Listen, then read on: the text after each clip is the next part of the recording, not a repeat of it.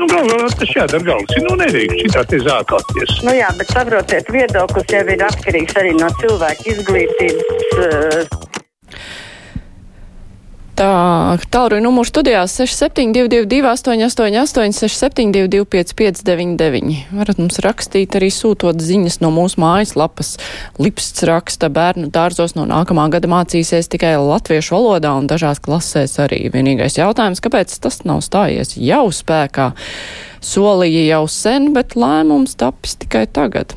Taisnība par to tik sen runāja, ka brīnums, ka tik ilgi gāja ar pieņemšanu. Klausītājs zvanam, brīvais mikrofons, labdien! Labdien! Sveiki! Uh, es varu runāt tagad, jā? Ja? Jūs varat runāt tagad. Labi. Uh, par pārdaugos pieminekli.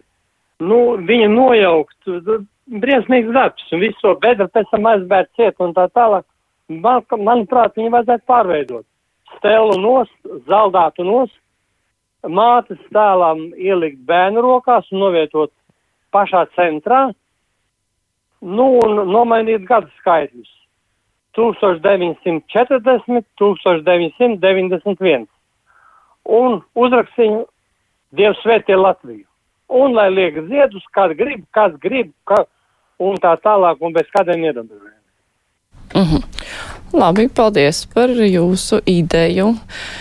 Tā klausītājs Jānis raksta, labdien, varam mūs apsveikt ar ekonomisko čudu, iekavās brīnumu Latvijā, jo par parlamentāro sekretāru ekonomikas ministrijā ir kļuvis jūrmāls deputāts čuda. Hm.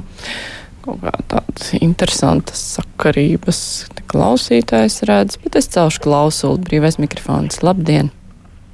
Labdien!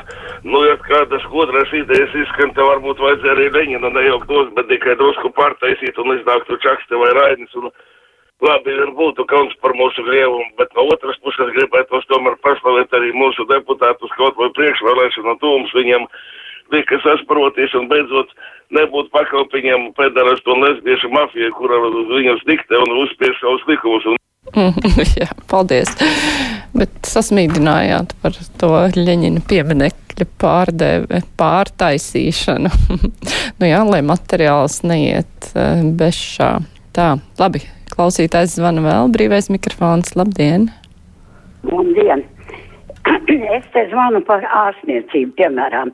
Te vienmēr mūsu valsts, tas, nu, veselības ministrs saka, ka mēs neietam cilvēki un, un neārstējamies un neietam tur tā un tā un ka slimo jau Covid, ka tāpēc tik daudz nomir, ka mēs paši neietam pie ārsta un tagad mums te ir problēmas. Cilvēkam sāp muguru. Ģimenes ārsts nav nekāda problēma.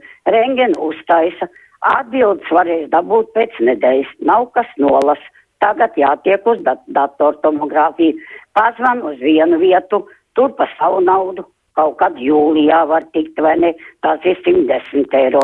Pazvan tagad uz otru vietu, tur pasaka, nu, jūs šodien zvanīsiet, rītā jūs tiksit pa 250 eiro, vai ne. Nu, tā kā tad jau, nu, tikai vajag to naudu, tā jau mēs visi tur tiksim. Bet ja cilvēkam ir 300 eiro, piemēram, pensija, vai tad viņš var aiziet, nu, un tad brīnās, ka tik ilgi tās slimības labs. Nu, bet ja nevar cilvēks darba aiziet un nezin, kāpēc sāp un un, un cik te ilgi tās tabletes var dzert. Nu? Jā, nu, jā, nu, diez kas nav pēdīgi klausoties to. Vilis raksta, dzirdēts, ka latviešiem esot kultūra, bet nav vērtību. Ja tā padomā, varbūt tiešām kādas tad ir tiem latviešiem vērtības? Hm. Nu, padomājiet, Vili, gan latviešiem ir daudz vērtību. Bet Anna vaicā Jansone, vai man tikai tā šķiet, ka jūsu mīļākā tēma ir vienzimuma laulības? Es zinu, vai tikai jums tā šķiet, bet tā noteikti nav man mīļākā tēma. Tā, bet tas ir temats, par ko ir jārunā, it īpaši ņemot vērā, ka ir satversmes tiesas spriedums un ir jāsaprot, nu, kā tad mēs dzīvojam tālāk. Labi, klausītājs zvana, brīvais mikrofons. Labdien! Labdien! Man tāds jautājums. Tagad sakarā ar to karu Ukrainā iedomājos, ka slikti zinu vēsturi. Varbūt jūs man pastāstīsiet, kad Padomju Savienība uzbruka Somijai. Vai viņi pieteica karu Somijai? Un tāpat, kad iebruka Padomju Savienība Polijā, vai pieteica karu, vai tikai bija militārās operācijas? Paldies! Jā, paldies. Es taisnību sakot, arī sāku domāt par to pieteikšanu, bet nu skaidrs, ka padomju savienība pilnīgi noteikti neuzskatīja, ka viņi kaut kur, nu tas ir nevis neuzskatīja, bet neteica, ka viņi kaut kur iebrūk. Un tas nozīmē, ka tas kara pieteikums arī iet secen. Tā kā, nu, visticamāk, ka tā nav, bet, nu, skaidrs, ka šajos gadījumos, tajā brīdī, kad notiek karš, tur tas agresors jau mēģina sev mālēt par baltāku, un neviens negrib teikt, nu kā. Es taču eju karot. Nē, visi attaisnojas ar kaut kādiem iemesliem, kāpēc iet karot. Tā klausītājs Andris raksta, Rūseles em ir lielisks saturs, vajag laist to eterā nonstopā, nevis tikai šo to, varbūt kādu no nozambētajiem tā varētu dabūt savā pusē. Paldies par vērtējumu. Ceļu klausulu brīvais mikrofons. Labdien! Labdien! Sveiki! Es vēju par uh, iepriekšējo raidījumu, tās diplomātiskās pusdienas, un šķiet raidījumu vadītāji Viņi tā ļoti snobiski vada to raidījumu. Man parasti patīk paklausīties, bet nu, šajā reizē viņi tā izsmēja to valsts, it kā mums te Latvijā viss būtu baigi forši un baigi kārtībā. Mums jau arī ir daudz visādas problēmas. Man šeit tā neforši, ka tā, nu, kaut kā smējās, nesmējās. Nu, tā vienkārši bija tāds, likās, ka ļoti, ļoti snobiski viņu vada. Man šeit tas tā nav pavējis par citu valsti. Paldies! -huh. Nu, paldies par viedokli. Man jau šķiet, ka viņi jau nesmējās tā ļauni, bet nu, tā gribēja tur. Skaidrs, ka var ka visās valstīs, ne jau tikai mums, pilnīgi visās valstīs ir kādas problēmas, un par tām var pasmieties, bet, nu jā, jautājums ir, kā smējas, bet man gan tas nešķiet ļauni. Vilis raksta, nesaprot tās saimnes deputāta tiesības gan atturēties, gan nebalsot. Tur būtu kaut kas jāmaina. Sēdes vadītāja ir zālē un nebalso. Jābūt taču viedoklim tā klausītājs Jānis raksta. Vienīgais interesantais, ko tas cilvēks no Daugaupils varētu mums pastāstīt, cik augstākās izglītības viņš ir ieguvis, cik uzņēmums Latgalē dibinājis un cik pēcnācējus radījis. Tas, laikam, bija par mūsu zvanītāju. Labi, klausītājs zvana. Brīvais mikrofons. Labdien! Sveicināti! Sveiki! Nu, te pa Latvijas izlaupītājiem būs rusiņu runa pa neliešiem.